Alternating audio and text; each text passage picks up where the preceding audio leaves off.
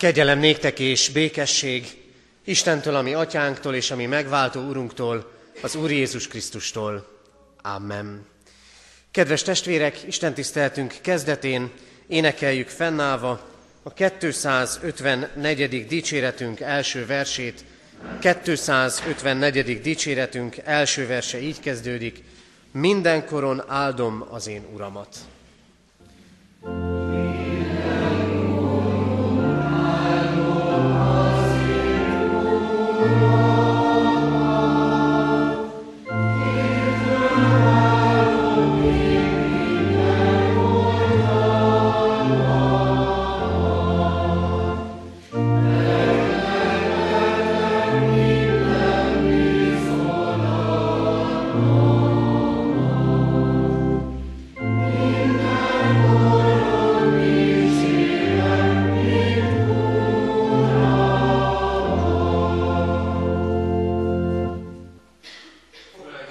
Testvérek, és már most jelzem a gyülekezetnek, hogy vendégeket és szolgálókat is köszönhetünk a mai Isten tiszteletünkön, Kabai Virágot, gyülekezetünk diakónusát, aki majd a hirdetések során az egyházközségünk diakóniai munkájáról fog beszámolni néhány szóban, illetve egy gyülekezetünknek egyik bibliakörét, a KED 25 nevű bibliakört, akik énekkel fognak, énekekkel fognak szolgálni a mai napon. Mindazonáltal most közös énekléssel folytassuk Isten tiszteletünket. A megkezdett 254. dicséretnek második, harmadik és negyedik verseit énekeljük.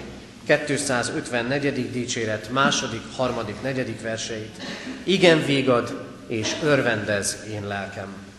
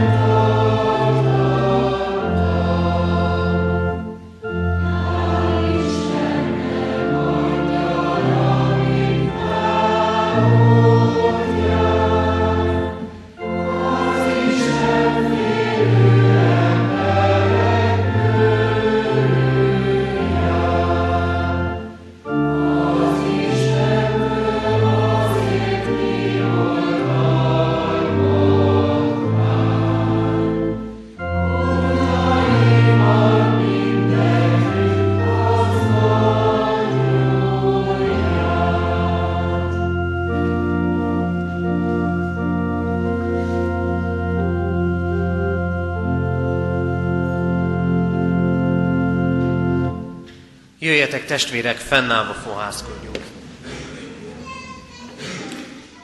A mi segítségünk, Isten tiszteletünk megáldása és megszentelése az Úr nevében van, aki teremtett, fenntart és bölcsen igazgat mindeneket.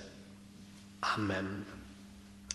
Kedves testvérek, hallgassátok meg Isten igéjét, ahol szól hozzánk ezen a vasárnapon, a királyok második könyvének hatodik fejezetéből, a 8. verstől a 23. versig tartó ige szakaszból. Isten igéjét figyelemmel, helyet foglalva hallgassuk. A királyok második könyve hatodik fejezetének 8. versétől kezdődően így szól Isten igéje. Arám királya háborút indított Izrael ellen. tanácskozott udvari embereivel, hogy melyik helyen legyen a tábora. Az Isten embere azonban ezt az üzenetet küldte Izrael királyának. Vigyázz! Ne vonulj át ezen a helyen, mert ott vonulnak le az arámok. Izrael királya ekkor embereket küldött arra a helyre, amelyet az Isten embere mondott neki. Figyelmeztetve őt, hogy vigyázzon magára. Így történt többször is. Felháborodott emiatt Arám királya, összehívatta udvari embereit, és ezt mondta nekik. Miért nem jelentitek nekem, hogy ki tart a mieink közül Izrael királyával? Ekkor az egyik udvari embere így szólt, senki, uram király. De az Izraelben levő Elizeus próféta megmondja Izrael királyának még azokat a dolgokat is, amelyekről te a hálószobádban beszélsz. A király ezt parancsolta. Menjetek és nézzetek utána, hogy hol van. Hadd fogassam el. Jelentették neki, hogy most Dótánban van. Akkor lovakat, harcikocsikat és tekintélyes sereget küldött oda. Azok megérkeztek éjjel, és körülvették a várost. Amikor az Isten emberének a szolgája korán felkelt és kiment, már körülvette a várost a sereg lovakkal, meg harcikocsikkal. A szolgája így szólt hozzá. Jaj, uram, mit tegyünk?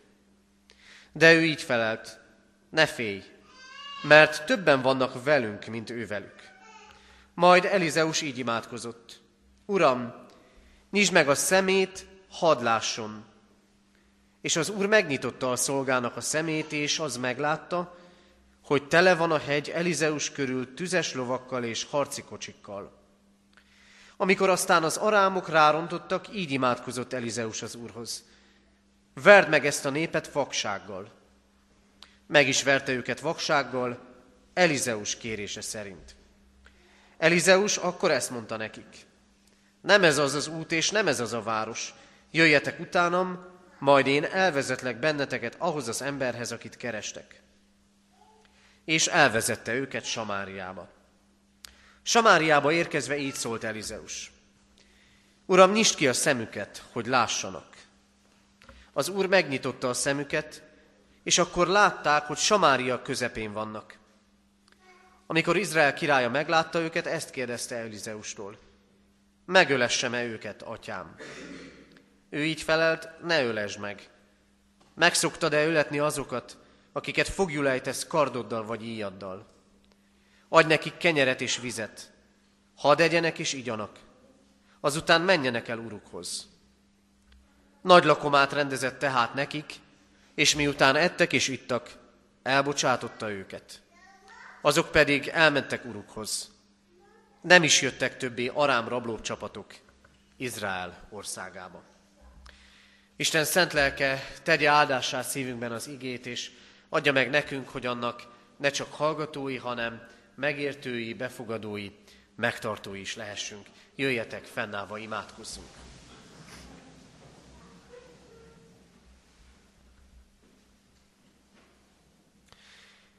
Örökkévaló Istenünk, áldunk téged azért, mert te a látás Istene vagy. Egy tekinteteddel átfogod ezt a világ mindenséget. Látod, mi történik a legtávolabbi részecskéig a világegyetemnek, és látod azt is, mi történik ott lelkünnek legmélyebb titkaiban. Látod, Urunk, azt, hogy milyen örömöket hordozunk, és mik terhelnek bennünket. Látod vágyainkat és céljainkat, előtted van egész életünk.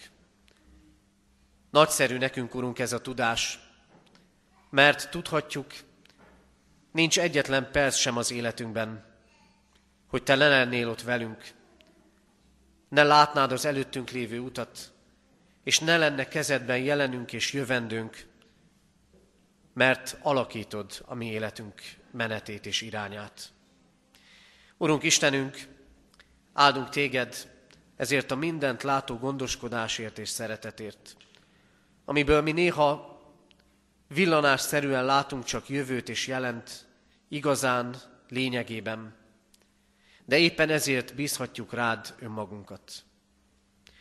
Köszönjük neked, Urunk, hogy Te vagy a mi lelki vezetőnk. Hogy lelkünket akarod építeni és erősíteni. Nem csak úgy, hogy könnyebb legyen hordozni a terheinket, hanem úgy, hogy rátaláljon és megerősödjön azon az úton, amely az életre visz.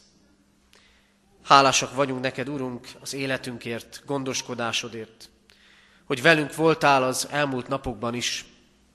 Köszönjük neked, hogy ott voltál a mélységekben, és adtál olyan eseményeket, történéseket, amelyek most hálára indíthatnak bennünket. Köszönjük a megtartó, mindeneken urrá lévő szeretetedet.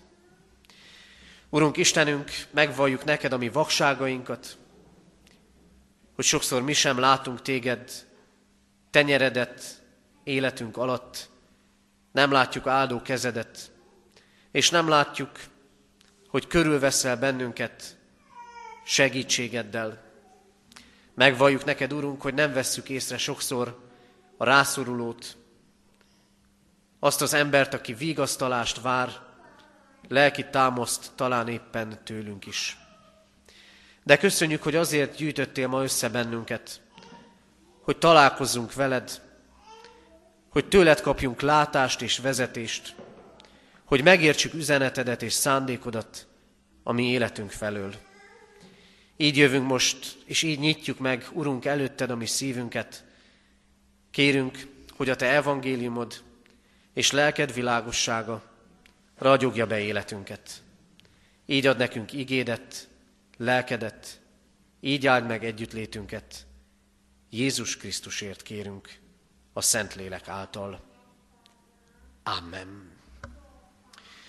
Isten igének hallgatására készülve a 161. dicséret első versét énekeljük el. A 161. dicséret első verse így kezdődik. Sies keresztjén lelki jót hallani. Az ének alatt a gyerekeket várjuk a gyermekisten tiszteletem.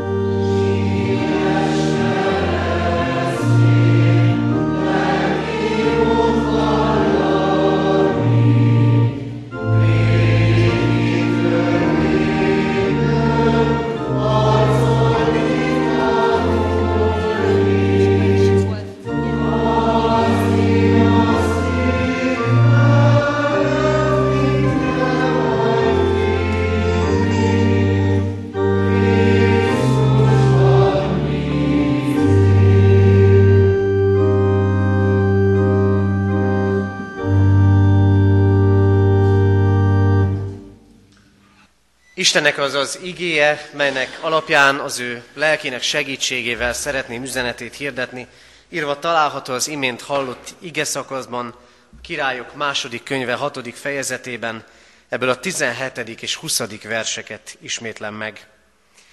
Majd Elizeus így imádkozott, Uram, nyisd meg a szemét, hadd lásson. És az úr megnyitotta a szolgának a szemét, és meglátta, hogy tele van a hegy Elizeus körül tüzes lovakkal és harci kocsikkal. Samáriába érkezve így szólt Elizeus. Uram, nyisd meg a szemüket, hogy lássanak. Az úr megnyitotta a szemüket, és akkor látták, hogy Samária közepén vannak. Eddig Isten írott igéje.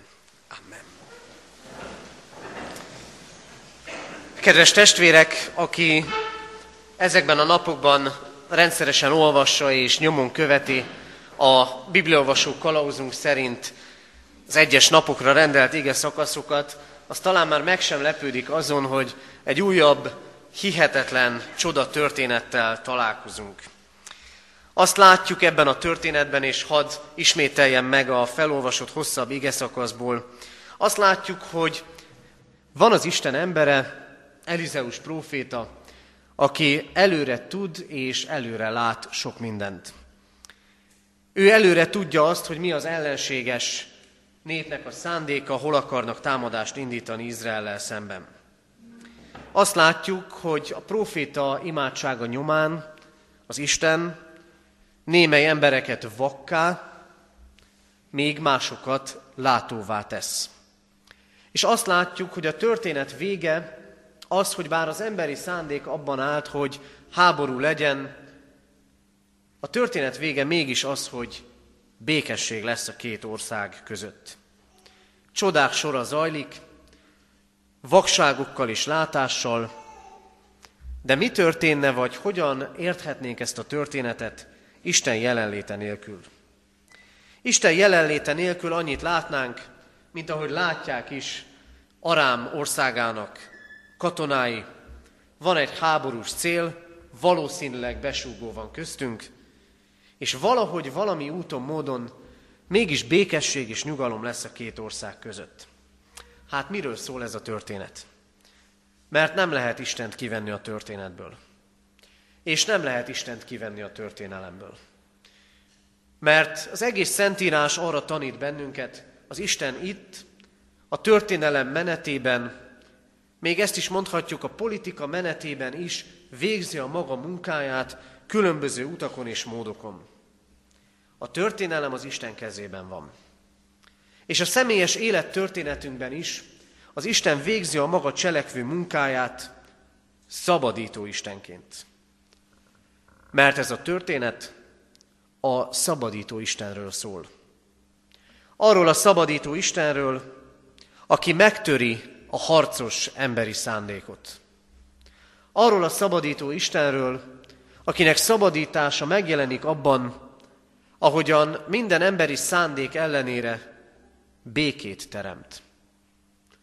De a szabadító isteni szándékhoz itt és most szükség van az Isten emberére. A szabadító isteni szándékhoz ma is, itt is, most is, szükség van az Isten embereire. Szükség van rátok, testvérek. Mert az Isten úgy szabadít, hogy látást ad azoknak az embereknek, akik akarják megismerni az ő akaratát. Látást ad Isten az ő követőinek. Ha a látásra gondolunk, akkor nélküle el sem tudnánk képzelni az életünket.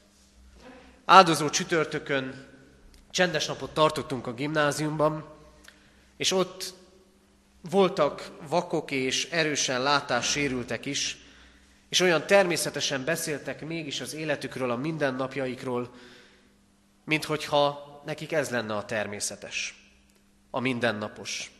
És mi, tanárok és diákok fel sem tudtuk fogni igazán azt, hogy hogyan élhetik ők ezt így, ilyen teljesen és boldogan mégis az életüket. Látás. Mivé lenne a látás nélkül az életünk? mivé lennének kapcsolataink. Mivé lenne mostani helyzetünk, ha nem látnánk, hogy miben vagyunk benne. És ha már látásról beszélünk, előre nézve, milyen kilátásaink vannak az életünknek, a sorsunknak, a gyermekeinknek, az unokáinknak, mert kell, hogy legyen jövőt illető látás. És mégis azt látjuk és azt éljük jelen helyzetünkben, hogy nem látjuk át, mi zajlik a világban és mi zajlik körülöttünk. Sokszor még az sem, hogy mi zajlik bennünk. És ott van ennek kontrasztjaként ez a történet, az Isten embere lát olyan dolgokat is, amiket fizikai szemekkel nem lehet észrevenni. És ott van Jóel proféta üzenete és pünkös története, amikor ígéretként jelenik meg, és aztán beteljesedik az, az Isten az embernek álmokat és látásokat ad. És ott áll kontrasztként az sokszor sötétben tapogatózó életünk azzal, hogy az Isten látást ad. A mai ige az Isten szabadításáról szól. És arról ennek nyomán, hogy a hívő ember, mi minnyájan beavatást nyerünk abba, ami emberi szemekkel észrevehetetlen és láthatatlan. És üzeni először is számunkra Isten igéje, Hitáltal láthatóvá lesz a láthatatlan. Olyan korban és olyan időben élünk, amikor a látásnak és a látványnak nagyon nagy szerep jut. Én magam is tapasztalom tanórákon, mennyivel inkább figyelnek a diákok, ha egyetlen képet kivetítünk a projektorral a falra vagy a vetítő vászonra. És tudjuk magunkról is, hogy mennyivel könnyebben tanulunk, ha valamit nem csak hallunk, hanem látjuk is azt. Milyen fontos az olvasás is, hogy amit olvasunk, azt el tudjuk képzelni, mert a képek fognak megmaradni bennünk. Mert amit látunk és átélünk, elképzelünk, az jobban beépül az életünkbe. És talán éppen ezen a ponton van a hitnek az óriási kihívása. Mert nekünk a láthatatlan, láthatatlanra kell építeni. Egy olyan világban, ahol szinte minden a látásról és a látványról szól. És ezért mondja azt az apostol, mi hitben járunk, nem látásban. A keresztény életünknek éppen ez a nehézsége és kihívása. Ez az Istennel való kapcsolatunknak a természete, hogy azt követjük, akit egyébként testi szemeinkkel nem látunk. De mégis azt élhetjük meg, és itt ez a történet is erre emlékeztet, és még számos történet a Bibliában, hogy az az ember, aki elindul a hit útján, az két dolgot élhet meg, hogy majd eljuthat oda, hogy színről színre látja az Istent, és itt ebben a világban megláthatja az Istent, mint aki mellette áll. Mindig úgy, hogy abból áldás származzon. És még egy dolog csak, a látás korában élünk, de talán éppen ennyire a látszat korában. Csak hogy néhányat említsek. Ma a magyar válogatott fontos foci meccset játszik, meg figyelni kell arra, hogy mi lesz a holnapi másik mérkőzés eredménye. A látszat az, hogy végre talán elindulunk fölfelé, végre talán kijutunk egy világversenyre, de ez csak a látszat. Mert sok minden ugyanott tart, ahol évekkel ezelőtt. Vagy mindjárt tudjuk a Patyomkin falu történetét, és talán mi is voltunk olyan helyzetben, hogy a látszatra adtunk, mögötte pedig nem volt semmi. Sok ilyen példát tudnánk mondani. Talán arra is, mennyi látszat van az életünkben, amit mi tartunk fönt. Mennyi látszat van a kapcsolatainkban. És talán néha már eljutunk oda, hogy nem akarjuk a látszatot. Van-e mögötte lényeg? Amit ebben a történetben látunk, az az, hogy az Isten emberen lát. És az Isten emberen ma is láthat. Elizeus próféta Illés lelkének kétszeresét kapta, és üzeni számunkra, lélek által lehet észrevenni sok olyat, amit észszel, fizikai szemünkkel nem vehetünk észre. Elizeus azért lát, mert kapcsolatban van az Úristennel, és mert az Úristen kijelenti magát neki. Elizeus lát, és ez a látás nem csak az ő hit életére igaz, mert sokszor így szorítjuk keretek közé az Isten üzenetét, hogy nekünk az Isten csak hitéleti vonatkozásban ad látást, de nem így van. Mert ott egy nehéz, politikai, sőt hadi helyzet van, és látja azt is, hogy merről indulnak a seregek. És látja az Isten mellette álló seregeit is. Látni néha rossz. Mert talán látok olyat is, amit más nem.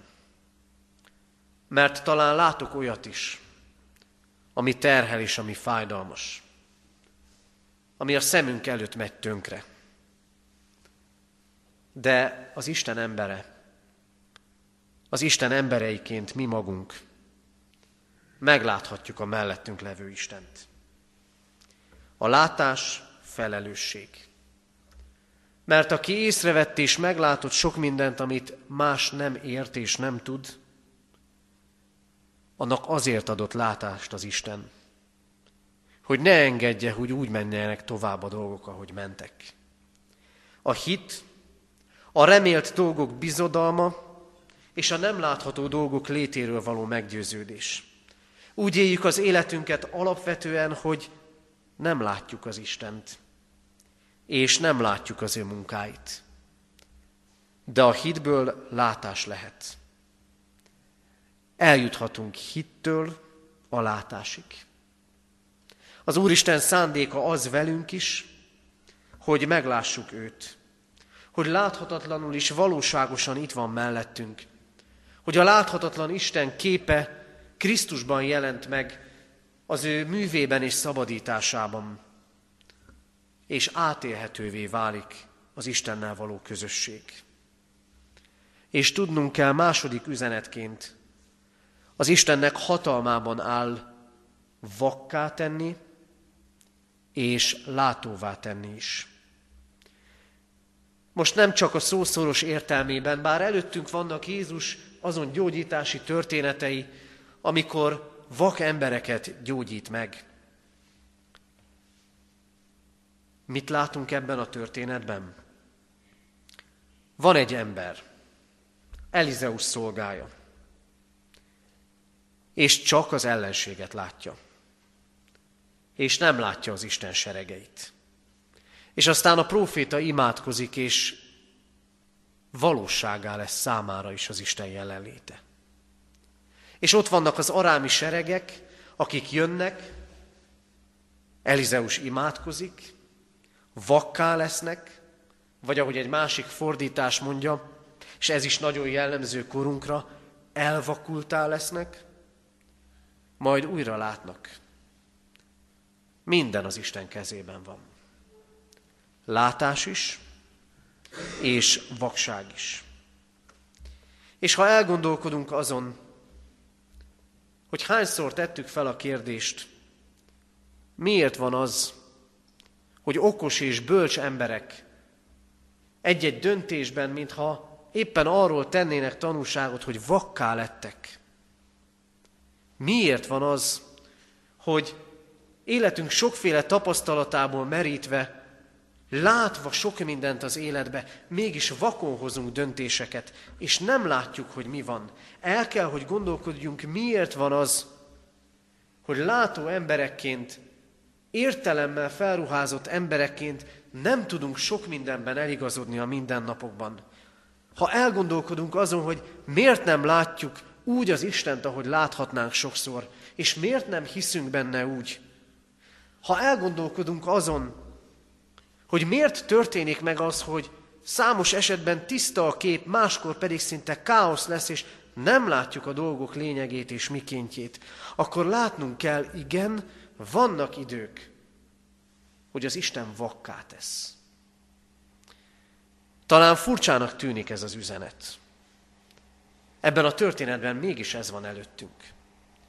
És amikor az Úristen elhívta Mózest, amikor az Úristen elhívta Mózest, ott az égő csipkebokornál, akkor pontosan az történt, ezt kérdezi tőle az Úristen, ki az, aki látóvá és vakká tehet? Hát maga az Úristen.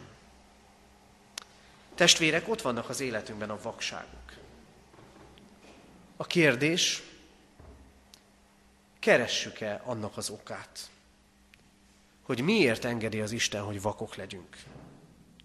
Hogy miért engedi az Isten, hogy elvakultá váljunk, és elvakultá váljanak emberek.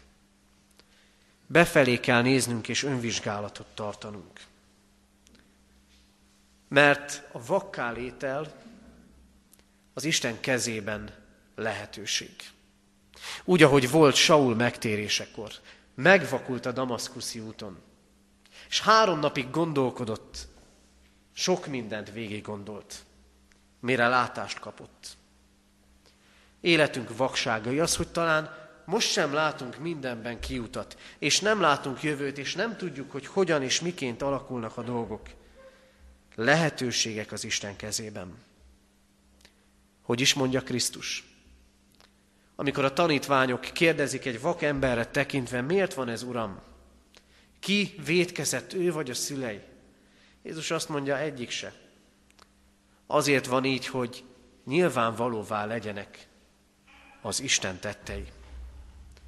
Ha nem látunk, ha káoszt látunk, ha bizonytalan dolgokat látunk, az mind-mind lehetőség az Isten kezében, hogy látást adjon. Ezért, ezért is kell Krisztushoz menni. És ezért is kell látást kérni. És végezetül az imádság lelkeket, életeket és szemeket nyithat meg. A vakemberből látó lesz. Ez van többször előttünk ebben a történetben. És sohasem magától, sohasem magától történik mindez. Mindig imádkozik az Isten embere. Imádkozik azért, hogy a szolgája lásson, imádkozik azért, hogy lásson a vakká lett sereg. Miért? Mert látni kell, hogy ki áll mellettünk. Imádkozni kell azért, hogy lássuk, hogyan áll mellettünk seregeivel az Isten. Aki imádkozik, az láthatatlanul is látja és érteni és tapasztalni fogja, hogy mellette van az Isten.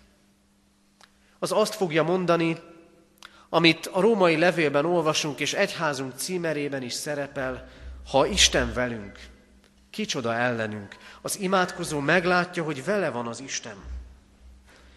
És aki imádkozik, meglátja a mellette álló embereket. Tisztán látja azt, ki az, akire számíthat, és ki az, akire nem. És megtörténhet az, amit Pálapostól ér át Korintusban, ahonnan menekülni akar, szabadulni onnan, mikor elkezdi missziói munkáját, és a látomást ad az Isten, és azt mondja neki, maradj, mert nekem sok népen van ebben a városban. Nincs igazi látás imádság nélkül. A kérdés pedig az, akarsz-e látni? Krisztushoz oda megy egy vak az egyik történetben, és ennyit mond neki, Uram, Dávid fia, könyörülj rajtam. És Jézus ezt kérdezi. Mit akarsz, hogy vele cselekedjek? A válasz egyértelmű. Uram, hogy lássak. Kérni kell az Istent. Hogy lássuk őt. Hogy lássuk Krisztust. Hogy lássuk az Úristen munkáját. Hogy lássuk az, azokat az embereket, akik, akiket talán észre sem vettünk, és ott állnak mellettünk. Aki imádkozik, az meglátja, hogy cselekszik az Isten. Kedves testvérek, az elmúlt napokban Aradon jártunk, és ahogy jöttünk haza, október 6-án este, olyan utunk volt, ahol néha tökéletesen lehetett látni előre, és aztán egyik pillanatról a másikra sűrű kötfoltokba értünk bele, 20-30 méterre, ha lehetett látni és olyankor mindig lassított az autó. Talán az életünk is ilyen. Van, amikor hosszú szakaszokat látunk előre, van, amikor órákat, talán napokat. De az Istentől lehet látást kérni. Mert hitáltal a láthatatlan láthatóvá lesz. Mert az Isten látóvá, és ha úgy van idő, vakká is tehet hogy meglássatassa velünk mégis mindazt a lehetőséget, amit elkészített nekünk. Ezért imádkozzunk. Imádkozzunk azért, hogy adjon nekünk az Isten látást és értést, és hogy mindenek felett láthassuk az Isten egyszülött fiát, a láthatatlan Isten képét, Jézus Krisztust. Amen. Kedves testvérek, most nem közösen éneklünk ráfelelő éneket, hanem hallgassuk meg a KED 25 Bibliakör szolgálatát. Csak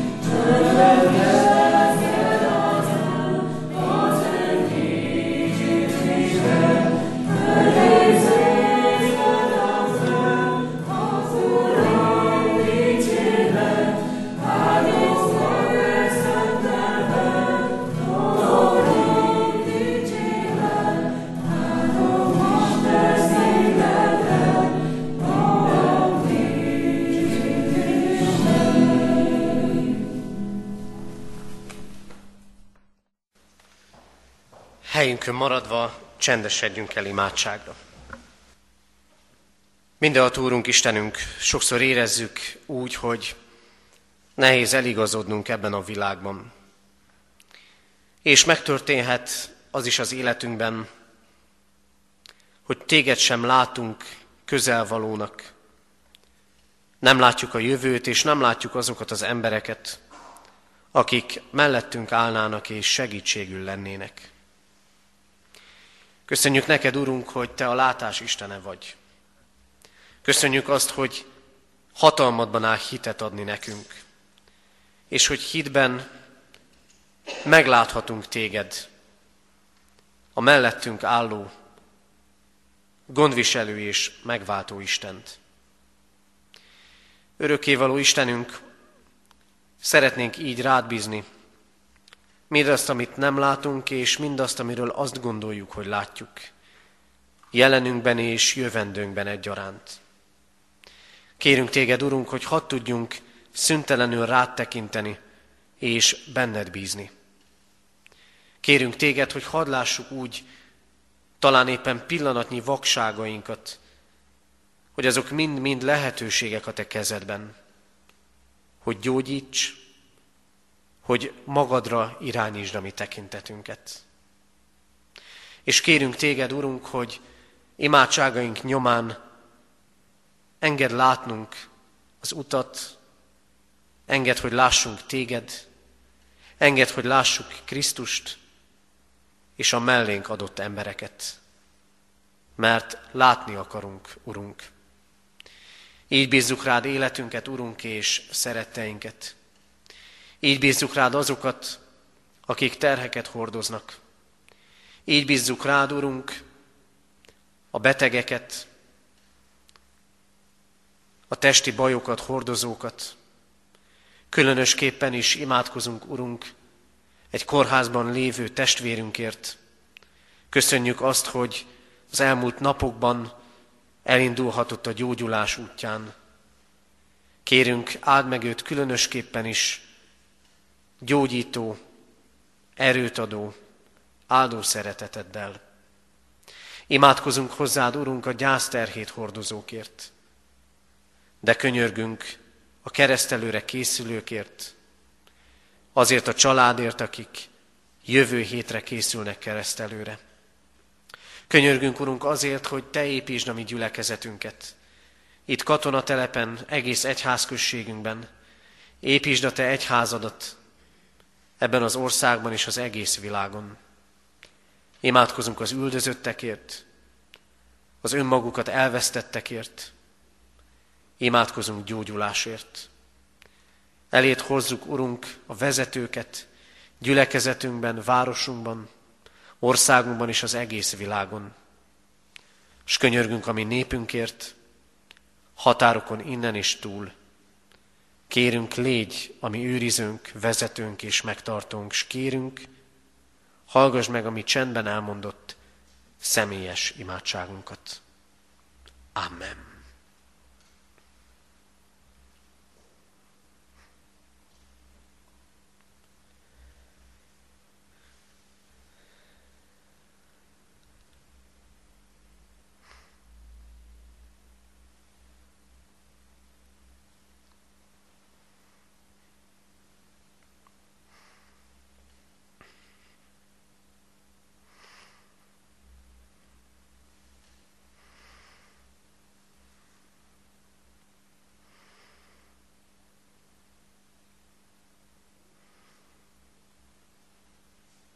Köszönjük, Urunk, hogy Krisztusért meghallgatott könyörgésünket. Amen. Fennállva imádkozzunk, ahogy a mi Urunk Jézus Krisztus tanított bennünket. Mi, Atyánk, aki a mennyekben vagy, szenteltessék meg a Te neved. Jöjjön el a Te országod, legyen meg a Te akaratod, amint a mennyben, úgy a földön is. Minden napi kenyerünket add meg nékünk ma, és bocsáss meg védkeinket, miképpen mi is megbocsátunk az ellenünk védkezőknek. És ne vigy minket kísértésbe, de szabadíts meg a gonosztól, mert Tiéd az ország, a hatalom és a dicsőség, mind örökké. Amen. Fogadjuk Isten áldását. Istennek népe, áldjon meg téged az Úr, és őrizzen meg téged. Világosítsa meg az Úr az ő arcát rajtad, és könyörüljön rajtad. Fordítsa az Úr az ő arcát reád, és adjon néked békességet. Amen. Foglaljunk helyet, testvérek, és a hirdetéseket hallgassuk meg. Hirdetem a testvéreknek, hogy Szabó Zsuzsanna gyülekezetünk lelki pásztora, aki egész lelkészi szolgálatát egyházközségünkben végezte, nyugdíjba vonult.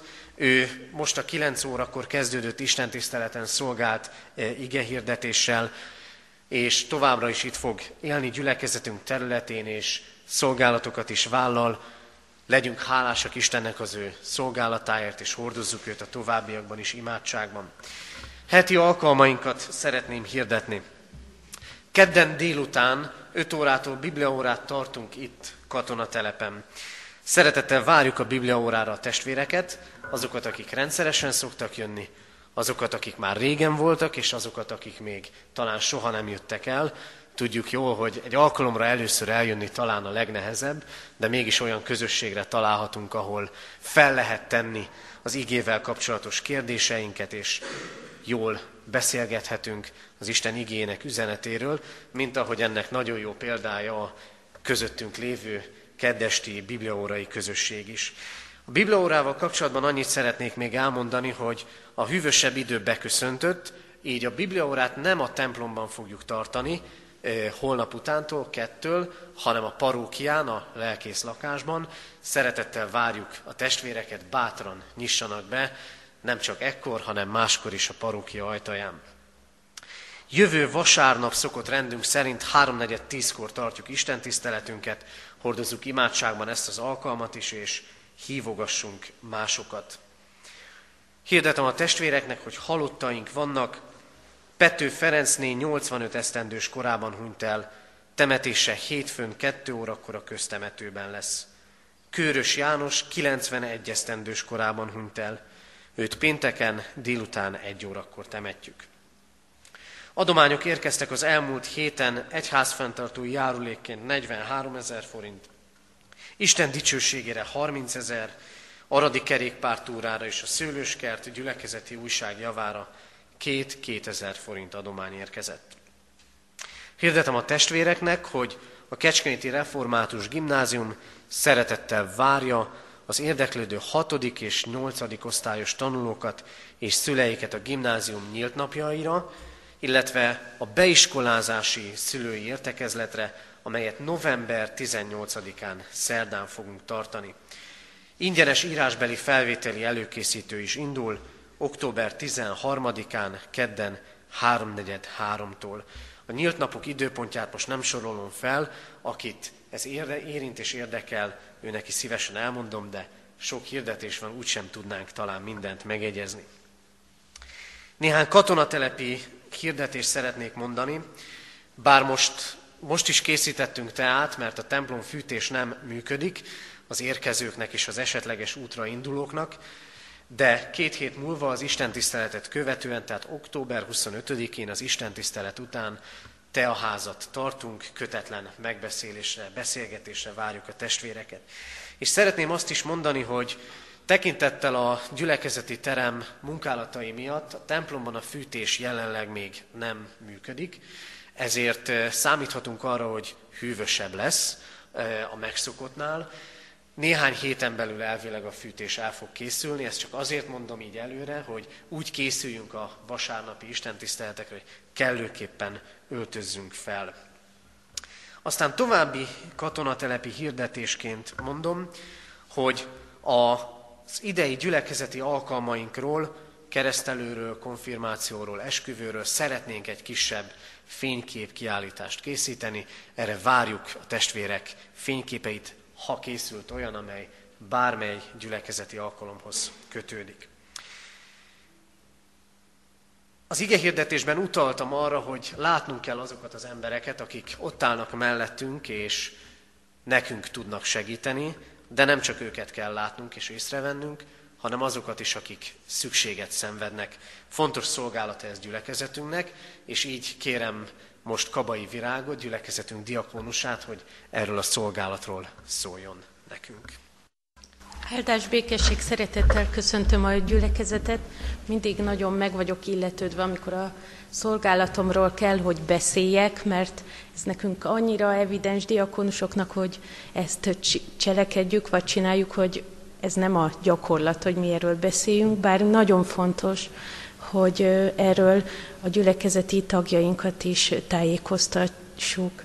Azt biztosan többen tudják, hogy 2013-ban megnyílt a gyülekezeti diakóniai központja a gyülekezetnek, a Szarvas utca öt szám alatt többen már voltak ott, és kaptunk adományt, vagy közösen gondolkodtunk a rászorulókról, a szeretett vendégségek, vagy a, a presbiteri ö, egyik kihelyezett bizottsági gyűlés is ott volt.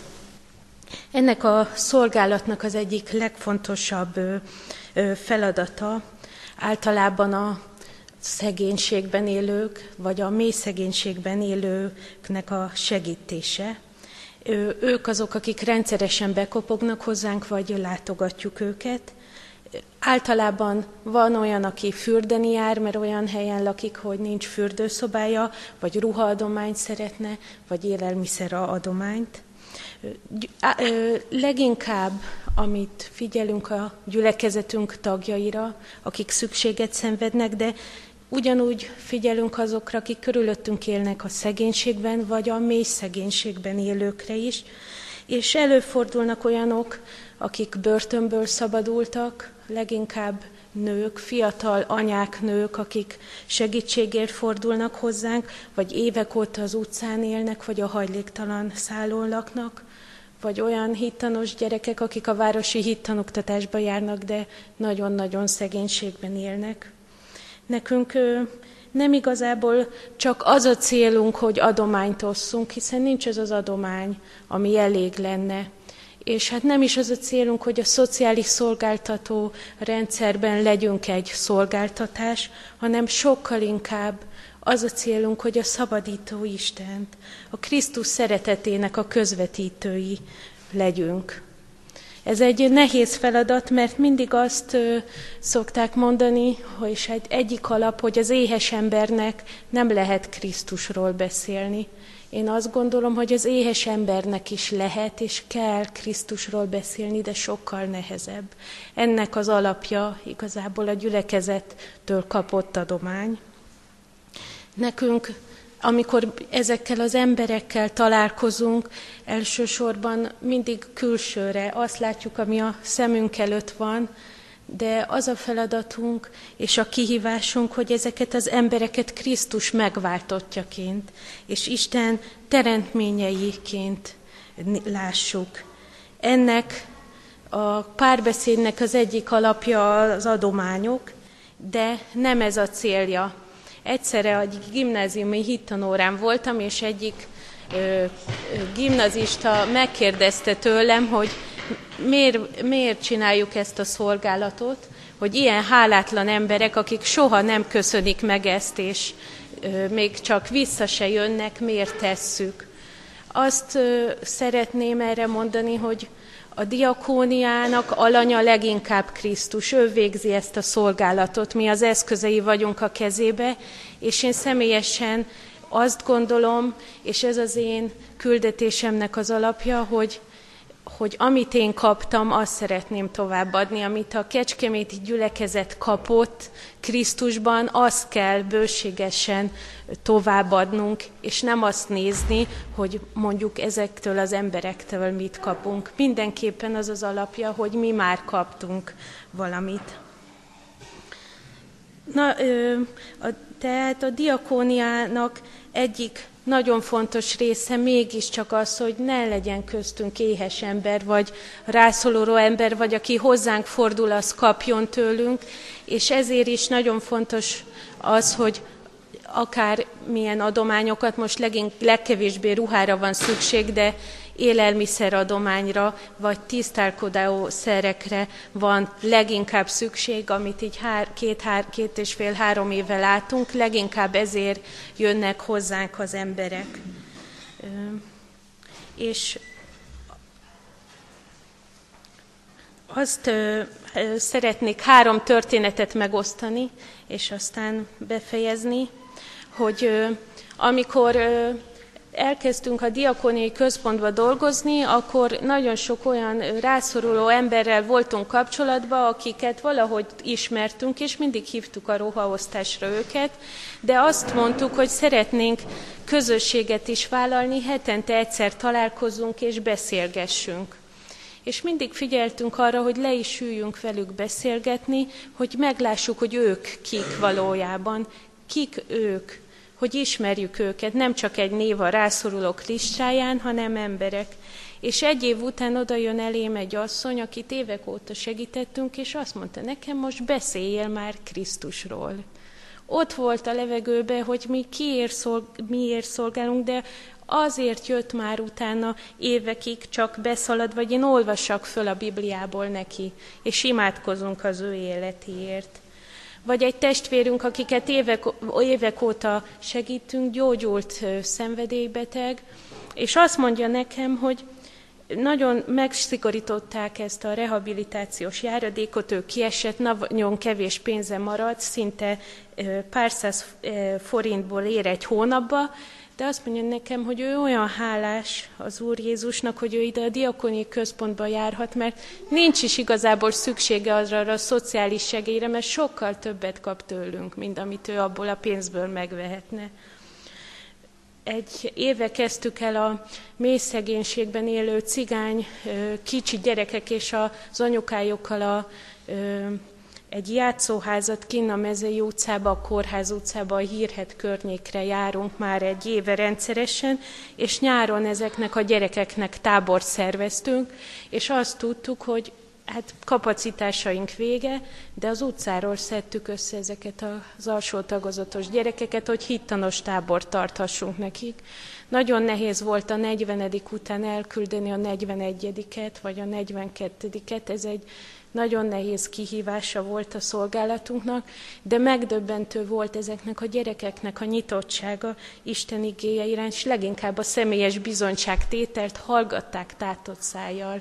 Nagyon megrendítő volt az ő figyelmük, az ő érzékenységük Krisztus szeretetére.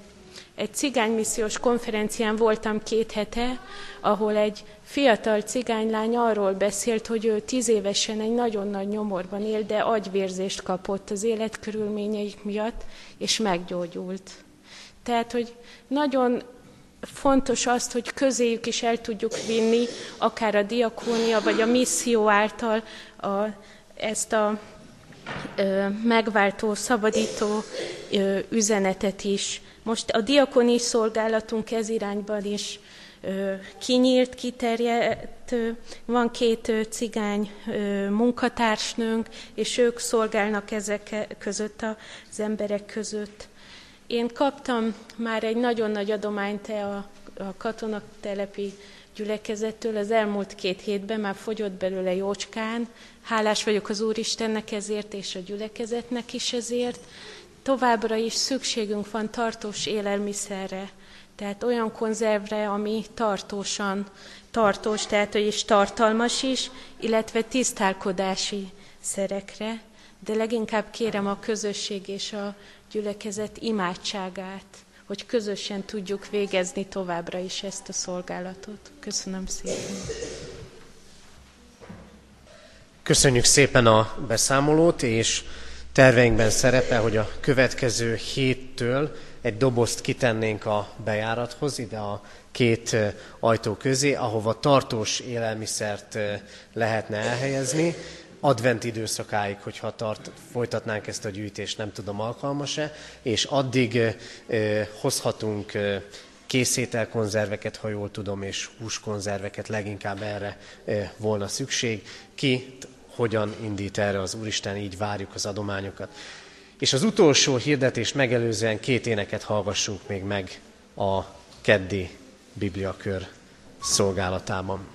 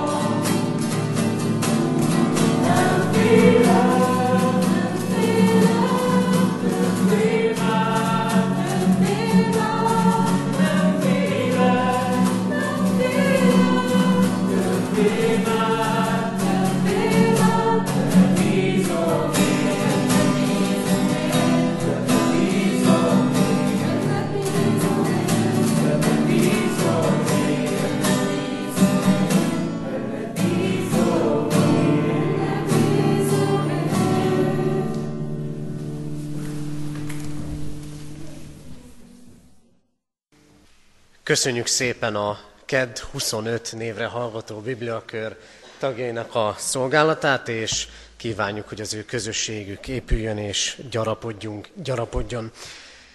Még egy hirdetést szeretnék elmondani a testvéreknek.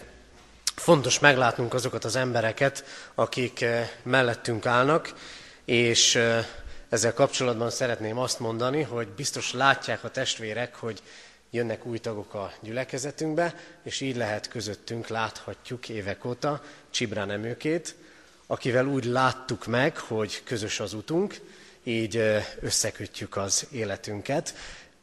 Szeretettel várjuk a testvéreket, a gyülekezetünk tagjait házasságkötésünkre november 14-én szombaton délután három órára Kecskemétre a templomba. És így zárjuk Isten tiszteletünket közös énekléssel a 254. dicséretünk 6., 7., 8. és 9. verseit énekeljük el. 254. dicséret 6., 7., 8. és 9. versét. Valamíglen élsz ez árnyékvilágban, szánszándékkal ne élj a gonoszságban.